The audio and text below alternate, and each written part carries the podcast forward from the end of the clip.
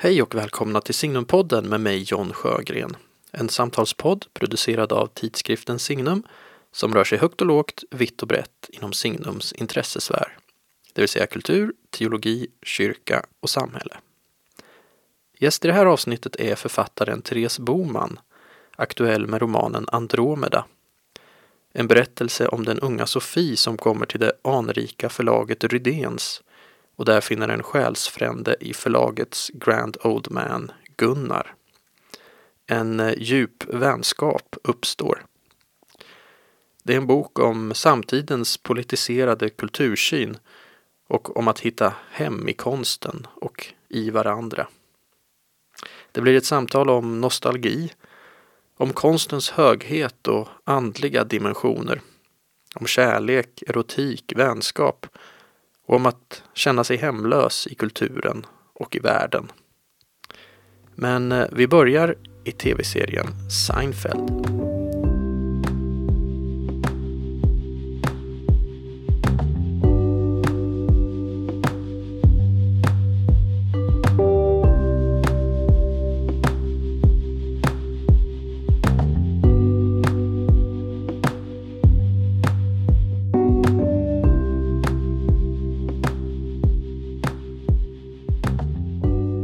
Välkommen till Signumpodden, Therese Boman. Tack så mycket. Eh, vi ska prata om eh, din nya bok, tänker jag mig. Men först måste jag bara vidröra ett ämne här som... Jag följer dig på Instagram. Mm. Och, då, och då så dyker det upp i ditt flöde där, i dina stories, eh, Seinfeld. Mm. Och det är en av mina absoluta favoritserier eh, genom alla tider. Ja. Älskar verkligen Seinfeld så jag blir alltid lika glad när jag ser det där. Dy- dyker upp i ditt flöde Ja. så får man anledning att minnas någon eh, rolig Seinfeld-anekdot. Ja. Eh, vad är storheten med Seinfeld? Vad, Ja, jag denna vet inte besatthet riktigt. vid Seinfeld? Nej, men det, är mest, det har varit som någon sån eh, avslappning för mig nu eh, under hela våren. För att när jag har eh, skrivit färdigt den här romanen så har jag känt mig så Eh, liksom, eh, vad ska man säga, bräcklig eller, sådär ömtålig för nya intryck. Så att jag har liksom, jag har inte jag har knappt läst några böcker på hela våren och inte sett någon film eller några andra tv-serier i princip. För att jag har tänkt så här att vad jag än tar del av nu så kommer jag börja tänka att det här, det här är mycket bättre än det jag håller på med. Alltså, varför, varför skrev inte jag det här istället? Ehm, jag började läsa Carolina Ramqvists roman till exempel, men det fick jag sluta med för jag började tänka så varför, varför skrev inte jag en bok om mat? Varför skrev jag min dumma roman om, om något helt annat? Ehm, så då har Seinfeld varit så som, en- liksom, som en livboj för att jag har sett det så många gånger genom åren. Ehm, och det- känns bara totalt tryggt. Det är liksom, jag kommer inte få några nya idéer som har med min roman att göra genom att kolla på Seinfeld. Eh, så. Alltså, eh, har jag... Alltså som avslappning. Jag har verkligen sett kanske tre avsnitt per kväll ibland. Så där. Bara plöjt mig igen. Eh, men jag såg det ju redan när det gick på tv första gången i Sverige. Jag vet, för mig har Seinfeld varit så här, eh, en sån referensram i livet. Att den liksom, man kan hela tiden referera någonting till Ja, Seinfeld. men jag har gjort det hela den här våren nu för jag har varit Ah. så inne i det. Så att jag har tänkt att jag har varit eh, tråkig för vissa människor. Jag var ute och eh, träffade några kompisar förra veckan. Och det var alltså flera gånger när någon berättade en anekdot så liksom fick jag lägga band på mig för att inte säga åh men det är som i Seinfeld. Jag, jag, så här, jag trakassera min sambo med det här som inte har sett Seinfeld överhuvudtaget. Så att han, han tycker att det är inte så kul. Men kan man, eh, kan man leva med någon som inte har sett Seinfeld? Ja, det är inte varför han inte har gjort det. Jag vet att jag gjorde det någon gång med eh, några av mina närmsta kompisar. Mm. Sa någon Seinfeld-referens som jag tyckte var helt sj- självklar. Och de Mm. förstod inte den. Mm. Jag sa, Ja, men det är Seinfeld. Ja, ja. Det är liksom Och de bara, ja Seinfeld, ja det har väl sett något avsnitt. Det är Ja. väl lite roligt. Jag kände direkt liksom en avgrund Ja, jo. öppnades mellan oss. Ja, det är som ett lager av tillvaron som man saknar då. Liksom. Så är det ja. Seinfeld-lagret på allting. Precis. Jag tror dock att man får leta ganska länge om man ska hitta något Seinfeld-lager i din nya roman. Jag vet inte. Ja, nej, Eller- det finns det nog inte så mycket. Eh, Vad, eh, hur skulle du själv beskriva den här romanen? Oj, vad svårt. Det är svårt Ehm, kanske. Jag kan. Jag skulle nog kan säga hjälpa att det är en... jag, jag, vet inte ens vad jag ska säga. Jag tycker att det känns svårt att prata om den här romanen för att det är som att det finns liksom en premiss som är själva um, handlingen som mm. går ut på att uh, det är en roman som utspelar sig i, uh, i förlagsmiljö på ett bokförlag. Jag tänker mig 2009 att den börjar då, uh, eller i alla fall en del av den börjar då. Um, en ung kvinna som kommer som praktikant till ett stort förlag Eh, Eh, och eh, känns lite bortkommen i tillvaron. Eh, känns osäker på, eh, på jobbet som hon får göra där. Eh, och sen så lär hon känna den litterära chefen på förlaget som heter Gunnar. Som är, han är väl närmare 65. Han har varit i branschen jättelänge. och speciellt på det här förlaget hela sitt hela sitt yrkesliv. Uh, och um, de lär känna varandra och det uppstår någon slags... Um, ja, det är ju också en poäng vad det är som uppstår. Någon mm. vänskapsrelation eller uh, någon slags mentorförhållande mellan mm. dem kanske. Um, uh, som liksom utvecklas till att bli extremt meningsfullt för dem båda. Mm. Man kan väl säga att de möts i en, om man ska beskriva den här Gunnar då så är ju han då lite, kan man säga, förlagets grand old man på något sätt. Mm. Han ligger bakom en prestigeserie där på, på mm, förlaget. Mm, Rydéns heter förlaget. förlaget och... och den här serien heter Andromeda då som är liksom den, den liksom högsta ja, klassen av litteratur. Ja, precis. Det är, uh, samtida. Jag tänker mig det som um, Bonniers Panache-serie. Precis, det är ju, det är ju lite fast, omöjligt fast, att inte tänka på ja, det. Ja. Uh, och Rydéns är också lite ja, i fast, uh, svensk litteratur. Just det. Är det. Och, och, och samtida. samtida då, mm. inte någon klassikerserie. Nej, utan Och det de möts i lite grann är ju att Gunnar känner väl att förlaget, den liksom nya litteraturen börjar liksom springa från honom lite där med kommersialiseringen, mm. ideologiseringen av litteraturen. Mm. Han känner sig inte riktigt hemma i det här. Nej. Så kommer den här unga eh, tjejen då, Sofie heter hon. Ja. Uh, får sitt namn väldigt sent. Precis, det är en sån här, bara en gång. Precis, det är alltid en snygg grej tycker jag när man kan göra så. Att man går och vara namnlös i, ja, i 60-70 sidor ja. så får man, ah det är Sofie hon heter. Uh, jo men hon då verkar ha samma blick på litteraturen, mm. ungefär samma värderingar, liksom estetiska värderingar och mm. han får liksom, mm, här är någon som, som mm. liksom en Precis. ung person som ser det här som jag ser ja. också. De har ju så väldigt eh, idealistisk litteratursyn liksom, och ser på litteraturen som alltså någonting eh, högt och viktigt mm. och, um, och tycker väl båda två att eh, eller han tycker ju mer än henne, men att det inte finns så mycket i speciellt inte då i den samtida svenska litteraturen som lever upp till de här höga idealen som, mm. eh, som han har eh, både privat och eh, som han liksom har applicerat på den här bokserien Andromeda. Mm.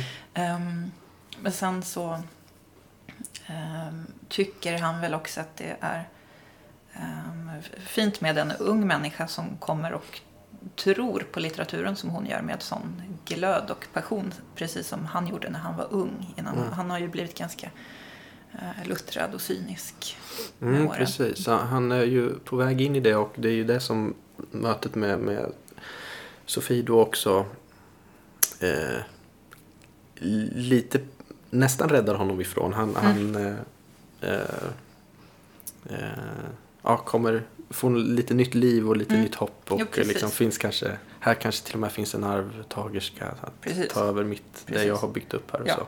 Det är ju som att de, eh, de hittar liksom, eller de hittar väl flera olika saker hos varandra som de liksom eh, förenas i. Men det är, ju, det är ju en av dem, den här tron på, eh, för hans del kanske inte bara litteraturen utan kulturen överhuvudtaget som något liksom extremt meningsbärande i tillvaron. Mm. Konsten med, med stort K, ja, så. Mm. precis. Mm.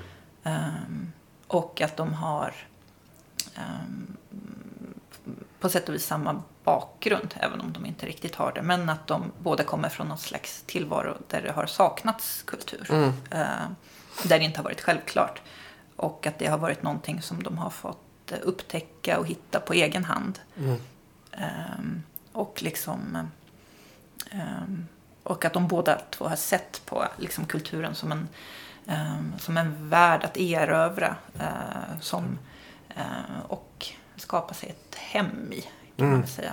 Eh, kulturen som, mm, kanske inte en ersättning för, men som ett komplement till vanliga tillvaron. Någon slags Mm, allmän mm. känsla av hemlöshet i den vanliga tillvaron. Visst, det där är ju, det där tänker jag vi kan eh, gräva lite i. För det där, för det där upplever jag verkligen som, som romanens stora tema. Mm, jo, det är det. Och du inleder med ett eh, Novalis-citat som är Ja. ett av mina favoritcitat. Ja, Jag, jag, jag har själv citerat det någon gång i, eh, på svenska. Då, för Vart är vi på väg? Alltid hemåt. Ja. Men de här två är precis som du säger två hemlösa människor. Mm.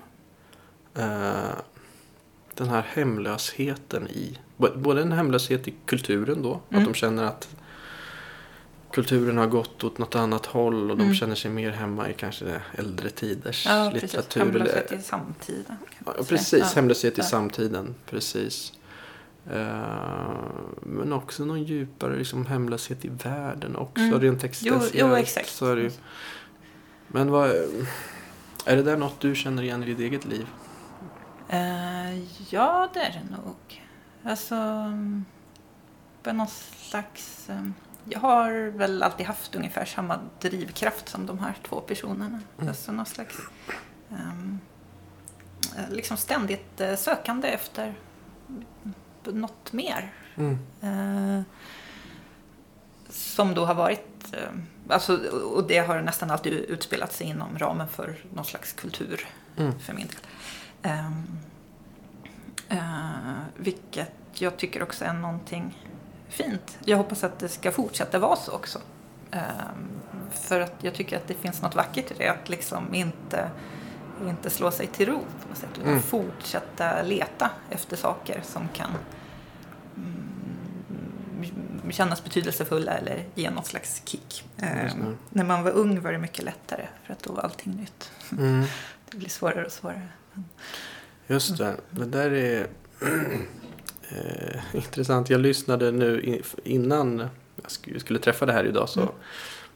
Eh, googlade jag runt lite så här för tidigare intervjuer. Då hittade jag en, ett gammalt poddavsnitt, eh, ett samtal mellan dig och Erik Skylt. Åh nej, det här var evigheter sedan.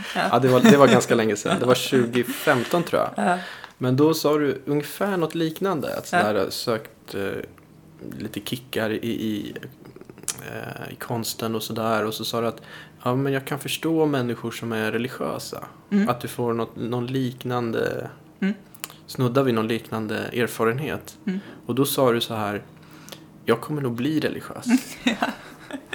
det, det var nästan att du räknade med det. Ja, Och jo, nu har det ju gått några år. Ja. Har du blivit religiös? Nej, jag har ju inte det. Nej. Jag har faktiskt inte det. Ehm, jag, nej, jag trodde kanske också att jag kanske skulle röra mig i den riktningen när jag fick ett barn, vilket jag har fått sen jag skrev en bok senast. Men jag har Mm. liksom inte gjort det. Nej. ja.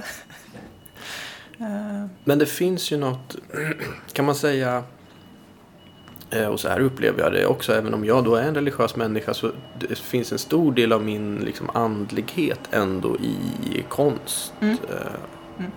Skulle jag säga. Mm. Eh, Är det likadant för dig? Ty- Tycker du att du får utlopp för någon slags andlighet genom konst? ehm, jag vet inte riktigt.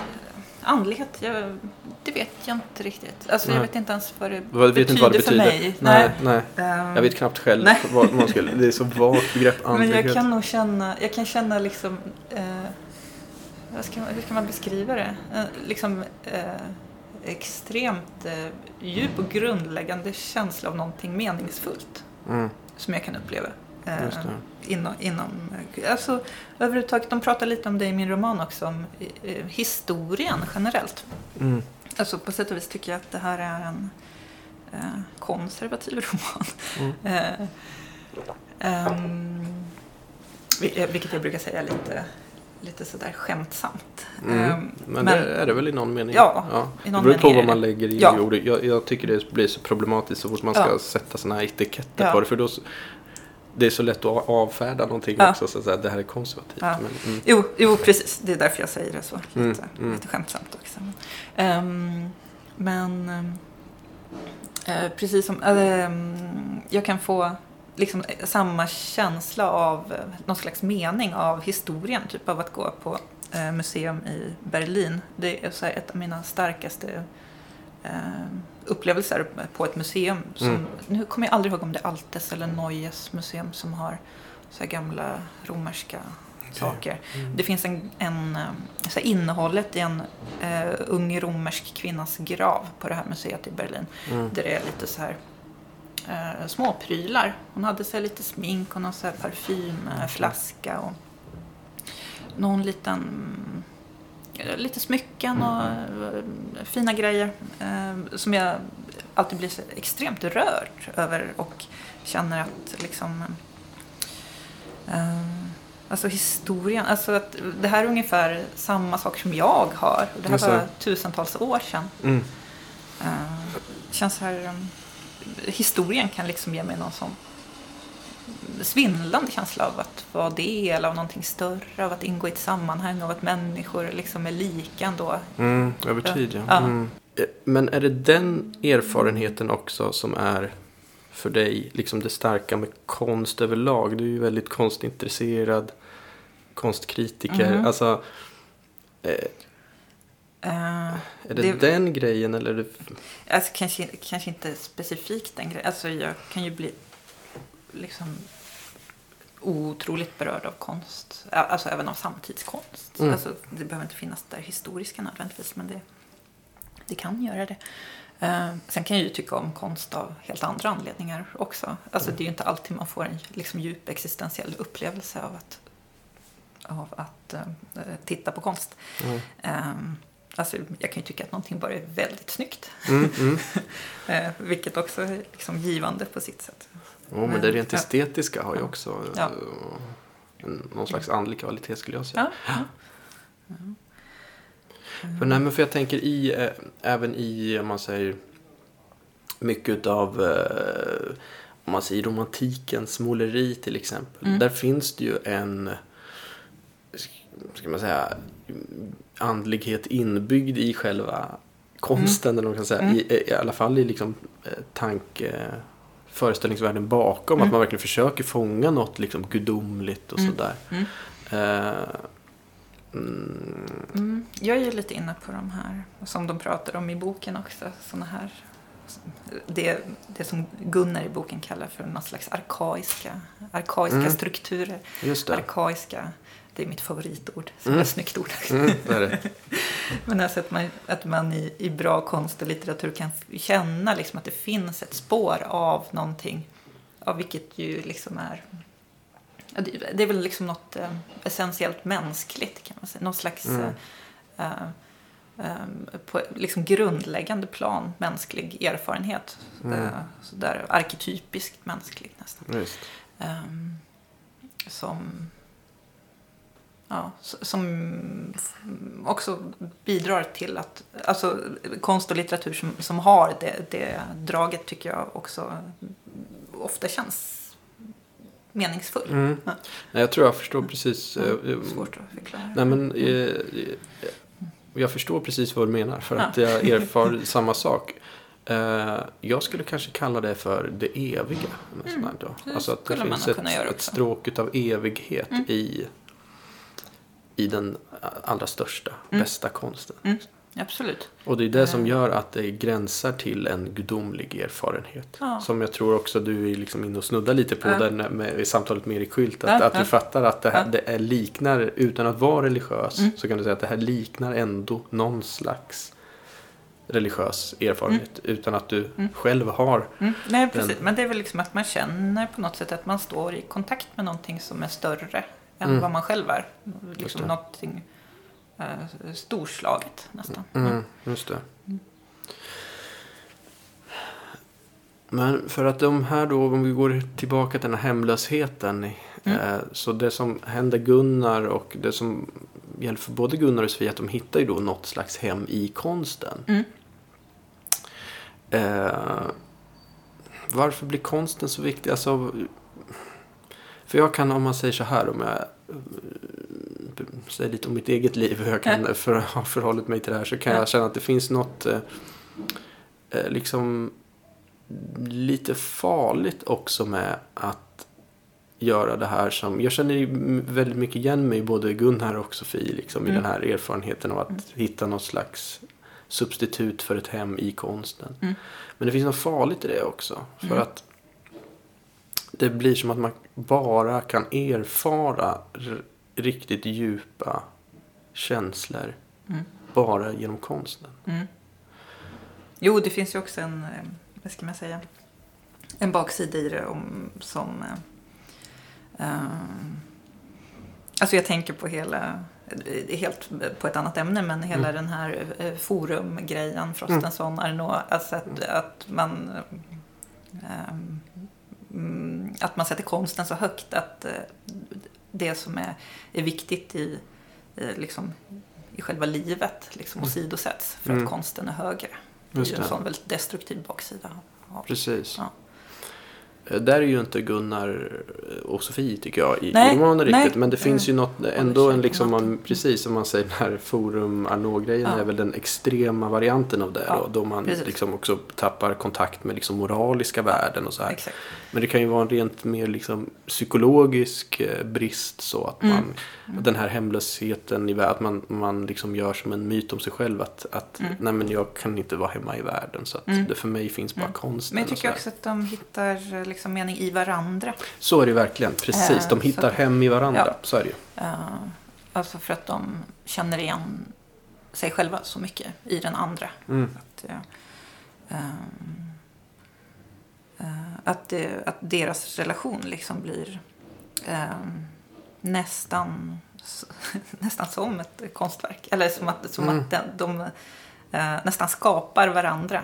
Eh, den, romanen utspelar sig till stor del på eh, Operakällarens bakficka. eh, Mm. Som är en trevlig bar där de sitter eh, varannan torsdag och delar på en flaska vin och pratar.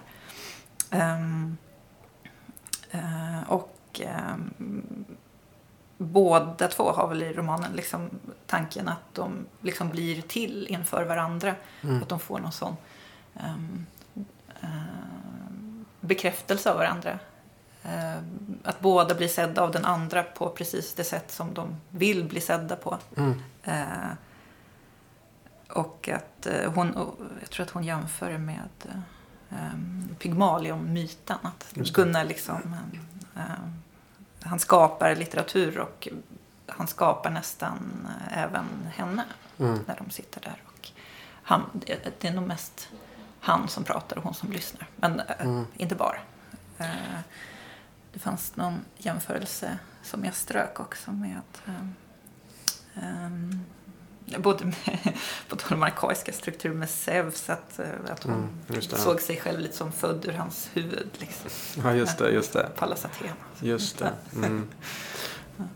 Ja, men, men jag tycker som, som har läst romanen då också att eh, det, det är ändå det är åt båda hållen ändå. Alltså att visst, Mm. visst det är ju hon är mycket yngre och så att hon Mm. är ju inne i en process där liksom man, en naturlig process där man ska hitta sig själv och Mm. sådär och han är en äldre man. Men Mm. det är ju väldigt mycket så att hon ger ju honom någonting också. Mm. Verkligen. Jo, precis. Jag tänker att de har ju verkligen gemensamt utbyte av varandra. Och, Mm. eh, som att, alltså, båda tycker ju också att det är någonting eh, liksom rent med deras relation. Jag, jag tror att de faktiskt använder det ordet. Alltså i liksom någon slags eh, försök att förekomma som eh, förutsägbar kritik om vad är det här för slags relation mellan en så Mm. mycket yngre kvinna och en så mycket äldre man. Att det är liksom eh, en relation som är, eh, är ren. Mm. Mm.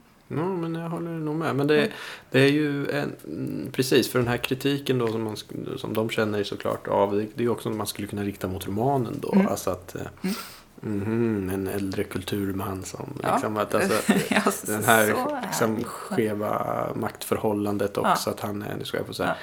Ja. Mm, Men det som är så Men ja, det kan ju ställas som en fråga. Så det, det känns som att du är genuint ointresserad utav den Ja, aspekten. ja, ja absolut. Gud. Alltså, det, det, är hade inte, det, det är inte alls det det handlar om på nej, något sätt. nej, jag, eh, nej, det hade jag knappt ens tänkt på. Att, Mm. ehm, så, som någonting man skulle kunna ehm, kritisera den här romanen för. för att, ja, Ehm, ehm, jag har nog mer tänkt att eh, allt så här tjat om historien och sådär skulle kunna vara provocerande för någon. Ja, just det. ja. Ja, det Men, kanske också är ehm, provocerande. Men jag tror, jag tror fler skulle uppleva bara den här själva relationen som provocerande. Mm. Om man säger så här, att man, Mm. man skulle kunna ha den här ramen, den här berättelseramen. Mm. Och um, man skulle kunna ge den eh, liksom, till en helt annan författare. Och det skulle bli en helt annan Mm. roman. Mm. För, att, för, för det känns ganska mycket i tiden liksom att, eh, särskilt post metoo, liksom att, Mm. att eh, kunna skriva en sån här liksom, roman om ett och, men då skulle det vara ett skevt maktförhållande Mm. och liksom den Mm. gamla liksom, typen av kulturman med gamla liksom, kulturvärden som Mm. möter en ung kvinna. Alltså, Jo, precis. Nej, men det är ju som att de ju är medvetna om det här i romanen Mm. också. Men de Nästan stod- skämtar lite om men de det stod där. helt utanför det också. Ja, ja. Ehm, jag har ju också, den utspelar sig också under liksom, eh, det står att den börjar 2009 så jag tänker tidiga 2010-talet Mm, mm. som var, eh, tycker jag så här i efterhand, en helt hysterisk tid. Som Mm. var ännu mer upptagen av sådana här saker. Eh, Ja, det var nog så. Ja. Mm. Ehm, så att, eh, men det är som att de ju roas lite också av, av, ehm, av att tänka på just det. Som att båda har en lite så eh, liksom konträr inställning. Någon slags lite så, eh, särskilt Gunnar kanske retsticka inställning till samtiden. Liksom. Mm. Eh, på ett vä- väldigt så lågmält sätt. Men, Mm. ehm, Men är det där något du känner igen i dig också? Jag upplever dig som eh, kulturskribent också, som, som kritiker som eh, ja, men som är ganska lik den här liksom eh, ja, så ungefär samma värderingar som, som Gunnar och Sofia. Ja. Och då måste jag säga Ja. att det, det är ju jag också. Och, och eh, det, det blir ju nästan en sån här, jag tyckte nästan det var lite, för, ja, när man börjar läsa romanen så liksom man förstår att det är det här liksom, mhm, det är den här 65-åriga Gunnar, han är lite föredetting så här. Mm. Och, och de pratar ju mycket om litteratur och jag ska stryka under allting och så här, ja, så här tycker jag också. och så bara, "Ah, är jag som en sån här gammal 65 plus eh, liksom? ja. Mm, ja, och jag det, det är ju också. någonting i det där, apropå hemlöshet i samtiden Mm. också som är... Nej, men jag har tänkt att jag har nog skrivit det här också. ehm, den, alltså det här är verkligen fiktion, eh, Mm. den här romanen. Men alltså, när jag kom in i kulturvärlden så eh, tyckte jag att den var så hemsk på många sätt. För Mm. att den var så otroligt ehm, politisk och ideologisk. Eh, och det här var ju då eh, lite innan den här romanen utspelar sig kanske. Men Mm. Ja, kring eh, 2006, 2007 kanske. Mm. Och sen eh, kände jag mig fortfarande ganska ny i kulturvärlden fram till den här romanen utspelar sig ungefär. Mm. Ehm, och så, det var väldigt mycket, alltså som att vara ung kvinna i den tiden handlade väldigt mycket om att ehm, eh, vara feminist. Att eh, ehm, mina tidigare böcker var väldigt mycket, alltså jag var ständigt rädd för att bli ifrågasatt och hur det låg till med min feminism egentligen Mm, i så, intervjuer. Och när jag liksom ehm, kom in i kulturvärlden så var det verkligen många äldre män som var väldigt snälla mot mig. Mm. Eh, för att mina intressen, det som liksom drev mig till kulturvärlden hade mycket mer med deras intressen att göra än Mm. med andra unga kvinnor som befann sig i kulturvärlden. Just. Ehm, så, för att jag var intresserad av liksom, eh, gammal litteratur och, och gammalt måleri. Och värnade eh, Ja. begrepp, eh, skönhet och sånt Ja, där. precis. Tyckte du var viktigt. Precis. Eh, så jag vet inte, jag, jag har väl också formats ganska mycket av en, liksom under några formbara år av Mm. att ta del av liksom äldre mäns eh, ja, men bara, eh, känt mig liksom eh, Mm. connectad med dem. Mm. Jo, men det... Det, är också, det har liksom varit lite min drivkraft när jag skrivit den här romanen också. För att det finns en så eh, fin generation gamla män som håller på att dö ut nu. Mm. Eh, och jag, hade, jag började skriva den här boken för ganska länge sedan. Och, redan då liksom upprättade jag någon slags lista för vilka jag skulle skicka den här boken till. Mm. Och nu är det åtminstone tre av dem som har hunnit dö, som inte Mm. kommer få läsa den här boken. Ehm, så att, ehm, den är också skriven, jag tänker att eh, eh, som någon, någon slags eh, protest mot att, eh, eller någon slags, eh, eh, ja kanske protest mot att eh, människor dör. Att, eh, Mm. det är liksom eh, det som är själva grunden för det konservativa i den. Liksom att, eh, Mm. om, om man nu ska tala om att det, det finns något konservativt i den. Någon slags eh, ehm, ehm, ja, men, eh, motstånd mot att eh, saker förändras. Vilket eh, den yttersta konsekvensen av att saker förändras är att människor dör och försvinner. Mm, och det är just hemskt. det. Det här kanske lät lite snurrigt. Men Nej, det, jag har haft någon jag- sån tanke i bakhuvudet att "Åh, jag måste... Ja. Jag tycker det är som att det låter som att du ringar in en av konstens eh, själva grunddrivkrafter. Och du var Mm, inne på jo. det där redan också med, Mm. med liksom, eh, din upplevelse i Berlin där med tiden. Ja, ja. Är inte liksom all konst något slags uppror mot döden? Jo, jo, det är det väl. Jag vill att Eh, försöka fånga liksom, den flyende tiden. Och Det, liksom, det fånga tror jag någonting. också är um, verkligen ett av mina teman. För jag tänkte, när jag tänkt på mina tidigare romaner så har jag tänkt också att det är nog liksom ytterst sett vad alla har handlat om på något sätt. Att, Mm. um, liksom frågan om vad, eh, kanske vad man lämnar efter sig. Vad, vad, um, vad, vad är meningsfullt i livet och vad blir det kvar Mm. av, av det när man är borta? Vad lämnar man för spår? Vad, Mm. vilket då hänger ihop med det här intresset för historien. Och så vad går till historien? Vad... Just det, vad blir kvar? Ja. Mm. Det är ju också, jag tänker att det finns en, för Gunnar då, som väl är huvudpersonen mer än den här unga kvinnan egentligen. Han, ju, han har inga egna barn, Nej. är barnlös eh, och eh, eh, har väldigt mycket sådana tankar om vad som, vad han ska lämna efter sig. Mm. Det är också en del av deras, alltså psykologin mellan dem, att, att han ser henne som något slags eh, arvtagare, inte bara Precis. av just det här yrket, för han tänker att, han, att det, det kanske är, är den här eh, Sofie som kan ta över eh, hans jobb med att driva etiketten Andromeda vidare, eh, utan också som någon slags eh, bara känna att hans eh, tankar har landat hos någon som Mm. kan föra dem vidare. Precis. Alltså mer existentiella Mm, arvtagare. ja, precis, precis. Att det finns någon i den yngre generationen Ja. som också tänker Precis. som jag har de här estetiska värderingarna Ja. och så vidare. Mm.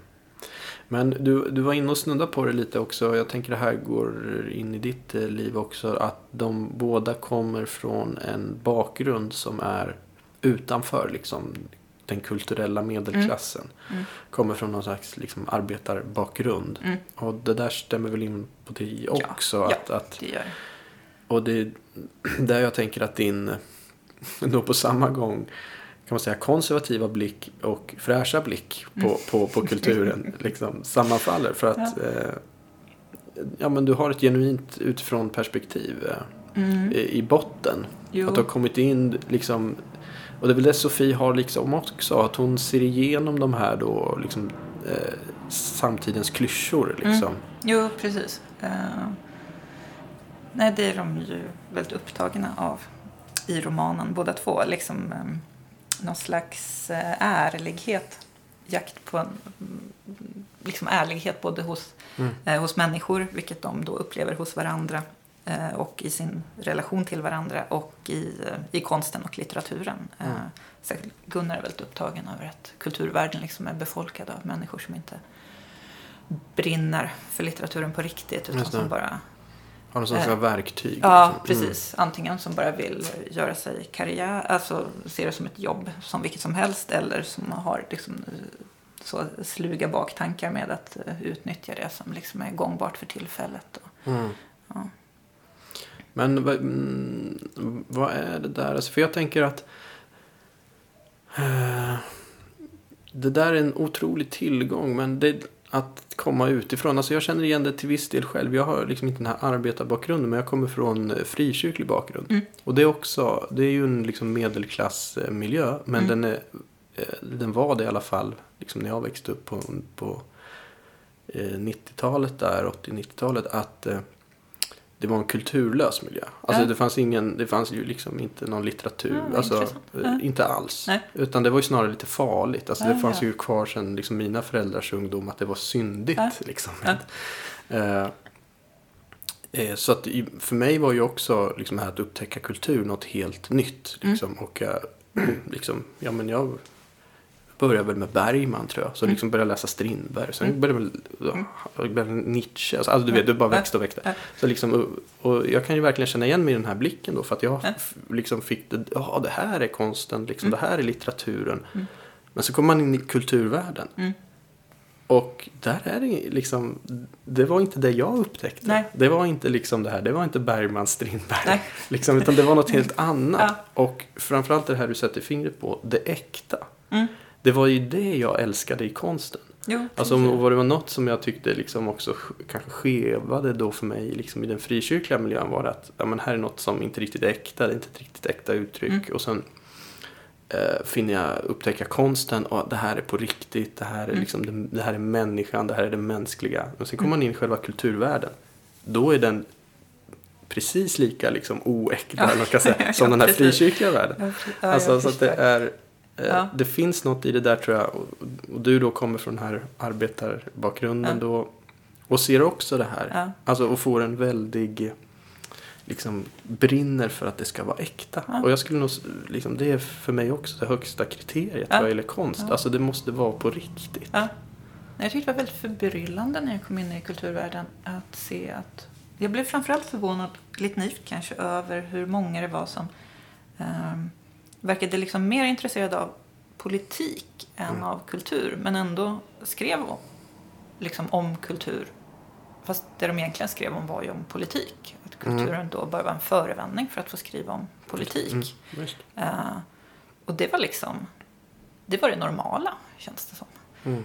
Uh, tyckte det var jättekonstigt. Jag hade liksom inte förstått att det, att det kunde vara så. Jag tänkte så här, om man är intresserad av politik så håller man väl på med Ja, det. och, och Ja. för, för mig var det också så här att en, något, det som drev, drev mig till kulturen var ju att det var ju inte politik. Mm. Det var ju liksom, för politiken var ju tråkig. Mm. Liksom, poli, liksom att konsten stod ju över det. Mm. Det var Jo, precis. större än politiken. Precis. Mm. Liksom. Eh, Så att är- man försöker liksom dra ner konsten. liksom, men det, Ja, men, men så här, det är precis. Så känner jag också. Men så, det är också lite typiskt att vi skrattar åt det då för att man är Ja. lite löjlig i vår Ja, tid när jo. man säger att liksom, Jo, man nej, har den precis. här s- liksom, höga konstsynen och pratar om att dra ner konsten i smutsen. Men jag Ja. kan inte säga det på något annat sätt. Jag, Ja. det är liksom det, jag tycker att det är så. Ja. För mig Eh, är konsten det här. Liksom. Men jag tror att... eh, Stora. Alltså, det kanske är lite eh, tråkigt att säga att någonting är typiskt svenskt också. Men eh, jag tänker att... Jag tänkte när jag skrivit den här boken också att det... eh, att det är ganska så här, rationellt land det här. Att Mm. liksom den som är lite så... Vad ska man säga? Eh, drömmare och romantiker liksom ses som lite löjlig. Mm. Det är, jag tänkte på det förra veckan för ska, på ett helt annat ämne, men det är aktuellt med ett fönsterbyte i det här huset som vi Mm. sitter i nu eh, hemma hos mig. Och eh, jag var på ett, ett möte då med bostadsrättsföreningen om det här, där det framlades då hur otroligt praktiskt det skulle vara med helt nya fönster. För här är det originalfönster från, från Mm. 60-talet som jag tycker är väldigt vackra, som jag gärna vill ha kvar. Eh, Men att det då framställdes som att den som eh, liksom av estetiska eller nostalgiska skäl vill ha kvar originalfönstren var liksom... eh, Just det. Ja, det, det var liksom... Det var helt banalt, helt banala argument. Just det, eh, för de var inte rationella. Ja, och, ja. ja. Just det. Nej, det där tror jag verkligen är, men det där är ju, hör ju ihop med en, eh, ja det är nog en svenskhet i det, men det hör ju ihop med hela modernitetsgrejen. Ja, jo, jo, alltså att allt ska vara som en maskin liksom. Mm.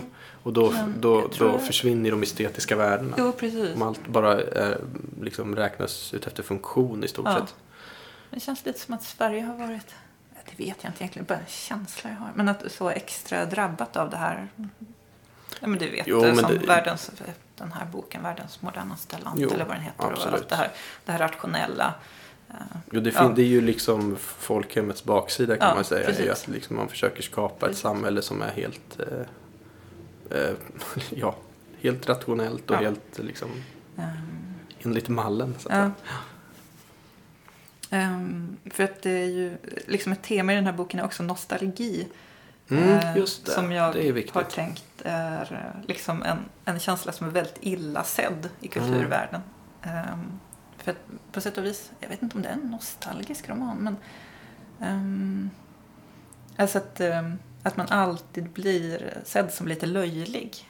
eh, Mm. Om man Men den om man nostalgiska. på något sätt ger uttryck för nostalgi. Det är För en att- ful känsla. Ja, precis. Mm. För att det alltid liksom eh, smäller högre att vara liksom eh, progressiv och, och Mm. framstegsinriktad och, och omfamna det nya. Man ska framåt Ja. hela tiden. Ja. Mm.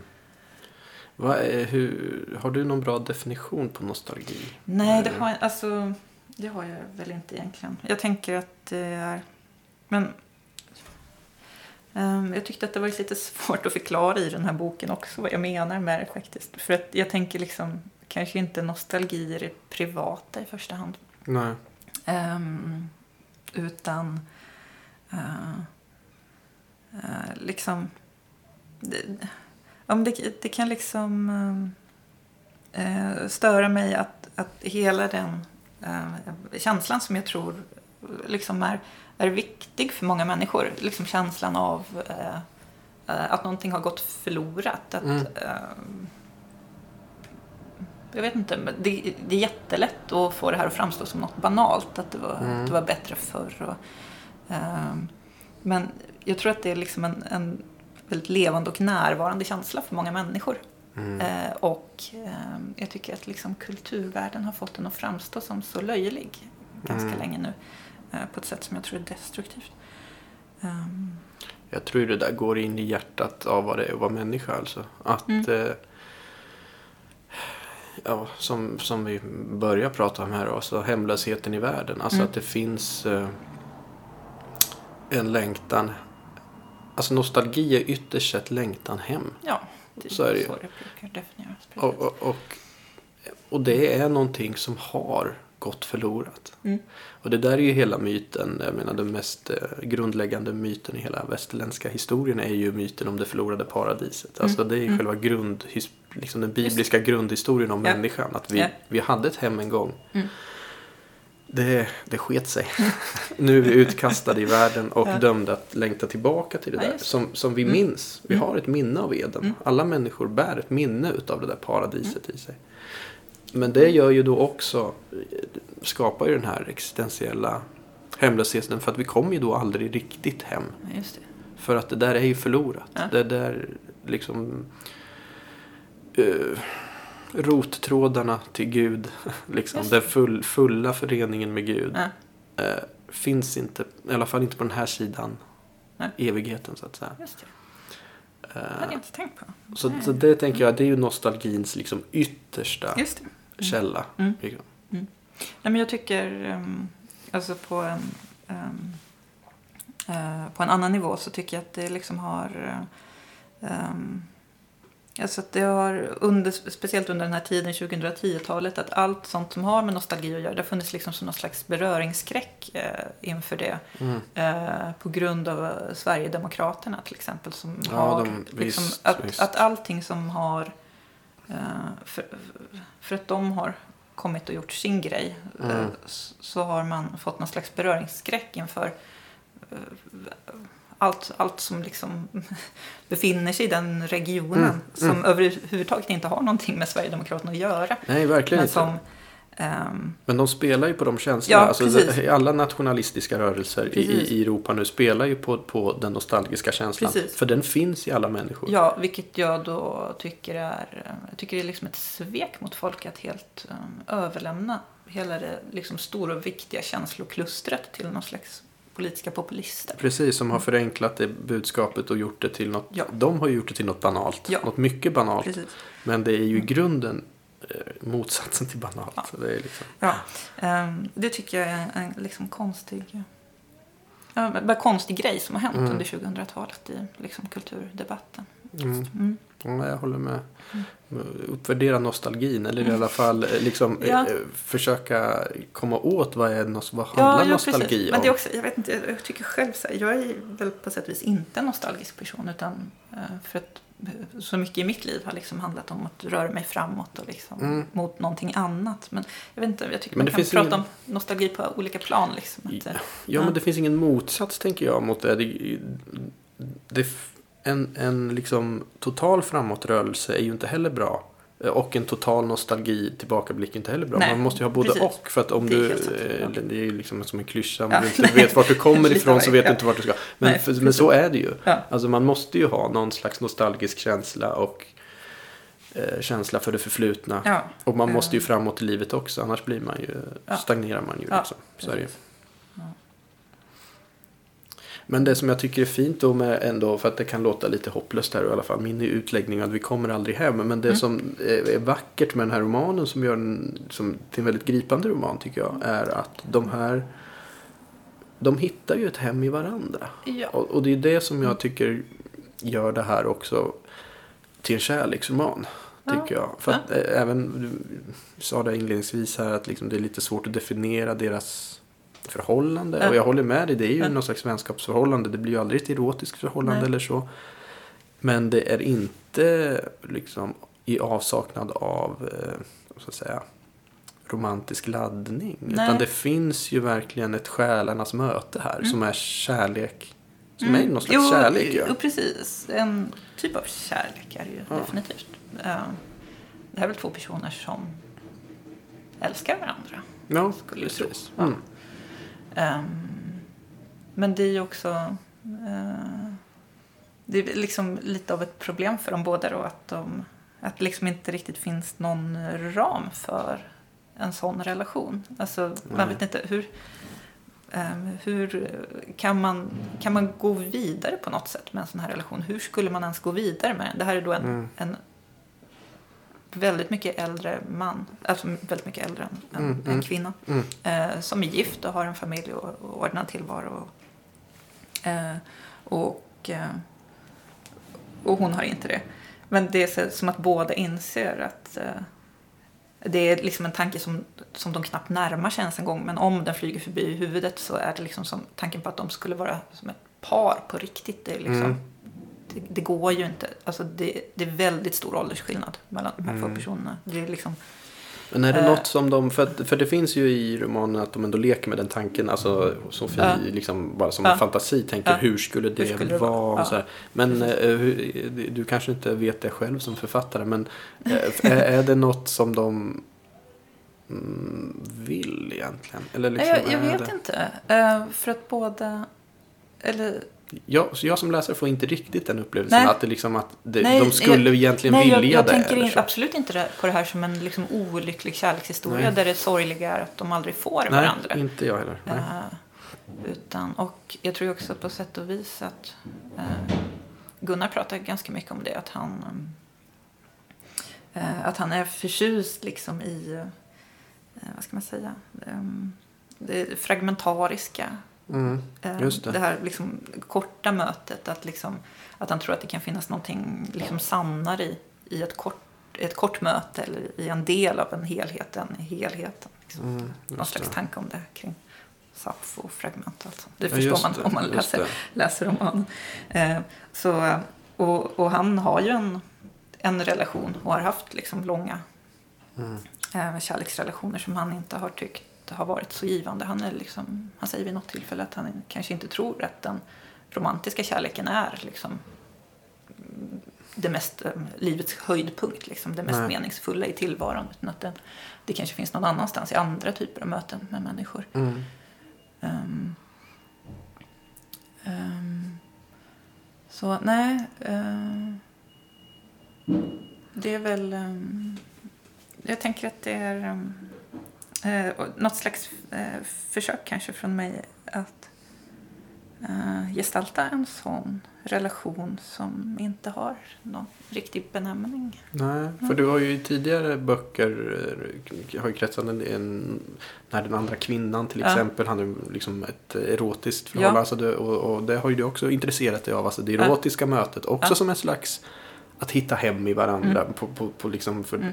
Hela den dynamiken som är i, i liksom det erotiska. Men Mm. det här är någonting annat. Mm. Men, det, men det är min... Det jag ville komma åt lite kanske det här med att det finns en romantisk laddning. Är att det finns något slags släktskap ändå. Mm. Med, med, liksom, med den- här relationen som de här två har. Och Mm. med också liksom det, det erotiska mötet. Det finns någon slags liksom, Ja, absolut. koppling det, där. det är ju som att, eh, som att båda, ehm, när de sitter där och snackar och dricker sitt vin, så, Mm.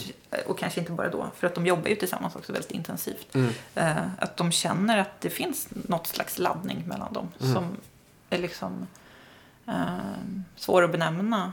eh, som att eh, någon slags energi som inte har någon riktigt, som inte har någon namn riktigt. Utan, ehm, utifrån så verkar ju det här vara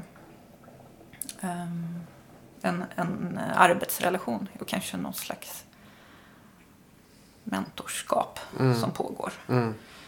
Ehm, ja, jag, vet, jag vet inte om jag själv vet vad det är Nej. som pågår. Nej, det är, det, är- det är det som gör det Ja. intressant också Ja. att läsa. Men jag, jag tänker att det finns något liksom som jag när, skulle vilja benämna som närmast erotiskt. Men det beror Mm. lite på att som jag, aldrig tar sig några fysiska uttryck. Ja, precis. För jag tänker att det är en... eh, Och nu liksom eh, bärsar vi eh, samtiden här så mycket. Men, men det, det finns liksom, tycker jag, ett sånt problem idag. Att, att liksom det erotiska så eh, blir likställt med liksom att ett fysiskt uttryck för, för sex helt enkelt. Att Mm. erotik och sex är exakt samma sak. Ja, jag tänker att det inte måste vara så. Nej, det. Alltså att liksom ja. det, det erotiska är liksom en grundstruktur liksom Ja. i tillvaron på något sätt. Så, så att det här mötet som de har, det finns något liksom erotiskt i det. För det handlar om liksom själarnas förening och möte. Liksom. Mm. Eh, det är möjligt att liksom höjdpunkten utav en sån relation är det fysiska liksom. Sexualakten. Så att säga. Men, eh, men det, fort, det kan fortfarande, relationer kan vara erotiska utan att vara, liksom, ta sig fysiska uttryck. Absolut. Så tänker jag att det är. precis. Det är väl kanske något av det jag har försökt komma åt. Mm. Även om jag inte ens har formulerat det för mig själv. Nej, precis, men erotiken snarare som en energi. Då, Just det, för det finns ju en laddning mellan, ja, dem, så är det ju. Mm. Ja. Och, eh, mm. Ja. Men jag tänker det, vi ska kanske runda av lite här. Men en, en avslutande fråga då kanske. Som sagt, jag tycker det här är en eh, roman om hemlöshet. Eh, att längta hem, nostalgi som du var inne på. Vad tror du? Kan man hitta hem? Kan man hitta hem i Eh, den andra eller hem i... ja, det tror jag. Jo, det tror jag. Ehm, men jag vet heller inte om... Skulle man vara nöjd då liksom? Jag vet Nej, inte. just det. Eh, jag vet inte, jag har lite... eh, Just jag vet det. inte, alltså att, Mm. att, bara, att bara vara nöjd med någonting. Jag vet inte om jag tänker på det som ett idealtillstånd Nej, faktiskt. det är det ju egentligen inte. Jag har inte Nej. tänkt på det riktigt så precis. För att, mm, just det, hittar man hem, då blir man kvar. Ja, Och precis. det kanske inte är det man vill Nej, egentligen. Eller så vill man inte. Ja. jag vet inte. Nej, jag, nej, jag är osäker faktiskt. Jag har nog ofta liksom tänkt i mitt liv mycket i de termerna. Liksom längta hem och Mm. sådär. Och, Ja, ja, man kommer aldrig riktigt hem. Mm. Men, Mm. men det är intressant det du säger nu. Man kanske inte vill komma hem. Nej, men jag tänker också att man kanske kan kanske komma hem lite grann. Alltså Ja. att man kan hitta någon slags, man upplever som någon slags grundtrygghet i tillvaron. ja. Och sen liksom utifrån den ändå liksom. Det är ja. det jag tycker de gör Ja. lite i den här romanen. Att man Ja. hittar små öar. Liksom. Ja. De hittar en, deras relation blir en liten ö som Mm. de, där är de lite Mm, hemma. jo, liksom. precis. Och sen är är den stora hemlösheten om, omkring dem på något Just sätt. det, precis. Det säger hon faktiskt. Och hon liknar själv, ehm, eller någon av dem i alla fall, deras relation. Att vi är självtillräckliga som en ö. Just det. Just det. Mm. Ja men det är fint. Vi kanske Mm. låter det avsluta där med att eh, Ja. vi, kanske, vi kanske tillfälligt kommer hem men kanske vill vi inte helt komma hem. ja, fortsätt, fortsättning följer i, i, nästa roman kanske. Får vi ja, ja, det är mycket möjligt. Tack Therese Boman för tack att du gästade Signumpodden. Tack, tack. Och tack alla ni som har lyssnat och lyssna gärna på oss igen i nästa avsnitt. Hej så länge.